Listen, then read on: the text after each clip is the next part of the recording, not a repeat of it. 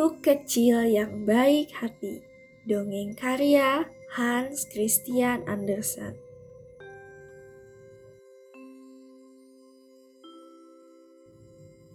Sebenarnya nama aslinya adalah Carl, tetapi ketika ia belum lancar berbicara, ia sering menyebut Tuk.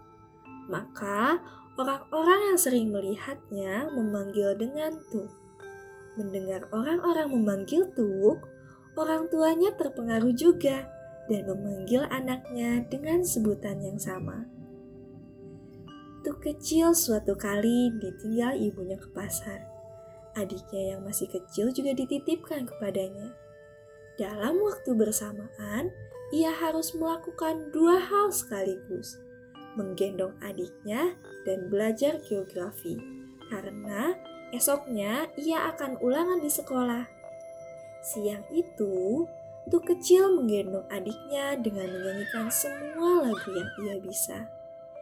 Sesekali matanya melihat ke buku pelajaran sekolah untuk menghafalkan nama-nama kota di Silen. Nah, itulah bahan ulangan untuk besok. Masing-masing siswa harus bisa menjelaskan tentang kota-kota yang ada di Silen. Capek menggendong sambil berdiri, Tuk kecil lalu duduk dan memangku adik perempuannya, Gustafa namanya. Ia terus bernyanyi dan melihat ke buku pelajarannya. Ketika ibunya datang, Gustafa diambil alih Segera Tuk kecil berlari ke kamar dan membuka jendela untuk mendapatkan penerangan. Sebab tanpa cahaya di luar, rumah itu akan gelap. Ibunya tak mampu membeli lampu minyak, apalagi pasang listrik. Jadi, untuk belajar, ia mesti memanfaatkan siang hari dengan sebaik-baiknya. Ia membuka-buka setiap lembar buku pelajarannya, membaca dan menghafalkannya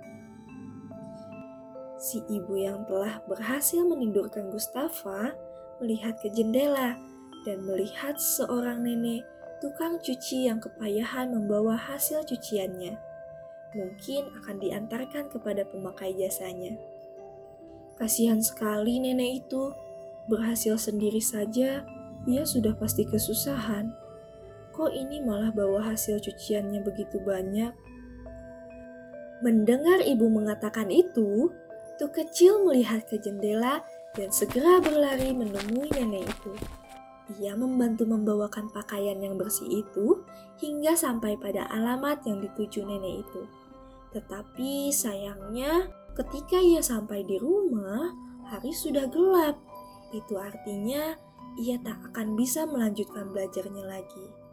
Tanpa cahaya yang bisa membantu matanya untuk melihat huruf-huruf pada bukunya. Tak ada yang bisa dia kerjakan.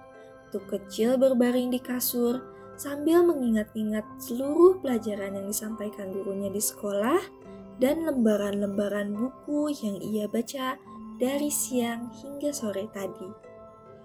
Meski sudah berusaha keras, ia tak bisa mengingat seluruhnya. Memori manusia memang pendek untuk mengingat banyak hal. Perlahan, Tuk kecil mulai mengantuk. Lalu, ia meletakkan buku pelajarannya di bawah bantalnya, berharap seluruh isi buku masuk ke dalam kepalanya. Begitulah yang dikatakan orang-orang, meski ia tak yakin betul. Semakin malam, Tuk kecil semakin mengantuk. Antara sadar dan tidak sadar, ada ciuman halus mendarat di jidat kecil. Ia menduga bahwa itu adalah nenek yang tadi sore dibantunya.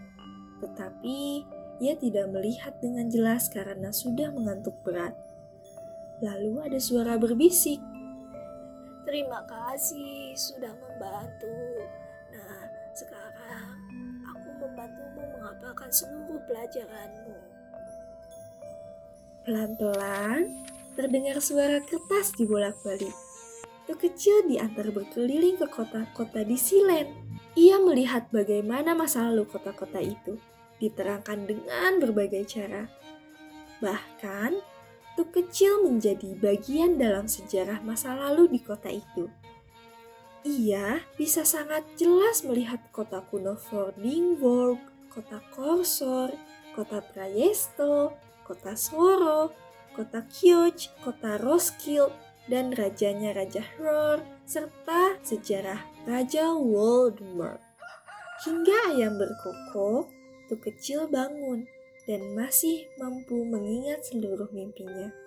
Sehabis berkemas dan akan berangkat ke sekolah, ia bertemu lagi dengan nenek yang kemarin ia tolong. Terima kasih atas bantuanmu kemarin, anak baik. Semoga Tuhan mengabulkan semua mimpi indahmu.